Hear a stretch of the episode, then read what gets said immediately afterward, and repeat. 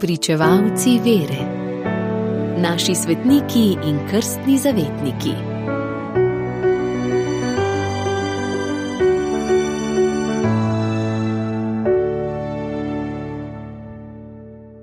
Danes zgoduje sveti Valentin, rimski mučenec iz 3. stoletja. Priznani slovenski narodopisec dr. Niko Kuret je pred nekaj desetletji v svojem znanem delu Praznično delo slovencev zapisal: K nam še ni prodrlo praznovanje, ki je doma menda v Ameriki in ga pozna že dobršni del Zahodne Evrope. Valentinovo namreč slavijo kot praznik mladih ljudi, zlasti zaročencev, ki si na ta dan pošiljajo darila, predvsem sladkarije. V sosednji Italiji po izložbah slaščičaren že dneve prej ponujajo bogato izbiro vabljivo pripravljenih zavitkov za Valentine. Če bi knjigo izdal danes, bi moral ta odstavek popraviti. Kajti že na začetku 90-ih je to praznovanje prodrlo tudi k nam in sicer z vsemi blagoslovi trgovcev, ki jih hitro zgrabijo vsako priložnost za zaslužek. Sveti Valentin združuje v sebi osebi dveh duhovnikov mučencev, iz iste dobe in enakega imena. Ljudska pobožnost se za zgodovinske podatke ni dosti menila in je že odnegdaj častila skratka svetega Valentina. Pobožna legenda pripoveduje, da je bil Valentin duhovnik in da je prelil svojo kri za Kristusa pod cesarjem Klaudijem II. med letoma 269 in 270. Nekako v tem času je umrl kot mučenec Valentin, škof v umbrijskem mestu Terni.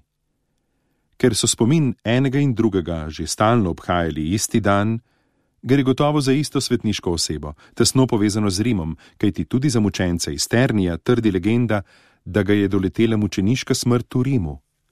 Možno je torej, da je bil Valentin najprej duhovnik v Rimu, nato pa škof v Terniju. Prav tako smemo sklepati, da je bil njegov prvotni grob ob Milvijskem mostu, drugotni pa v Terniju. Raziskovalci svetniške zgodovine te uganke še niso dokončno rešili, gotovo pa je, da gre za resničnega mučenca iz časa poznih preganjanj. Češčenje svetega Valentina se je naglo razširilo po vseh delih Evrope.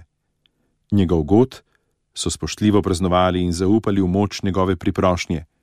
Ime Valentin izhaja iz latinske besede valens, kar pomeni močan in zdrav.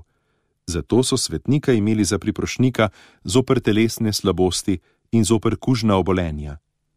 Njegov god je v predpustu, v času, ki je bil nekdaj namenjen svetovanjem, in zato so se mu priporočali novoporočenci. Valentinovo je ob koncu trde zime in naznanja bližajočo se pomlad, zato se svetniku priporočajo mladostniki in čebelarji, ker se njihove muhe zbudijo iz zimskega spanja. Po starem kmečkem koledarju prinese na današnji dan sveti Valentin ključe do korenin, zato mu pravijo, da je prvi pomladin. Po rimski legendi je svetnik vrnil vid slepi poganski deklici, ki se je na to z vso družino dala krstiti. Zato je sveti Valentin tudi zavetnik za oči in za pravo spoznanje, torej pogled duše. Druga legenda ve povedati, da je svetnik ozdravil božjastnega sina nekega pogana, zato ga upodabljajo z otrokom, ki mu v krču zvit leži pod nogami in na podlagi tega velja za priprošnika tovrstnih bolnikov. Sveti Valentin je torej zavetnik čebelarjev, mladine, popotnikov, zaljubljencev, novoporočencev, k njemu se priporočajo za srečen zakon, proti nezavesti in kugi, pa tudi za zdravje oči in pravo spoznanje. Radio Ognišče, vaš duhovni sopotnik.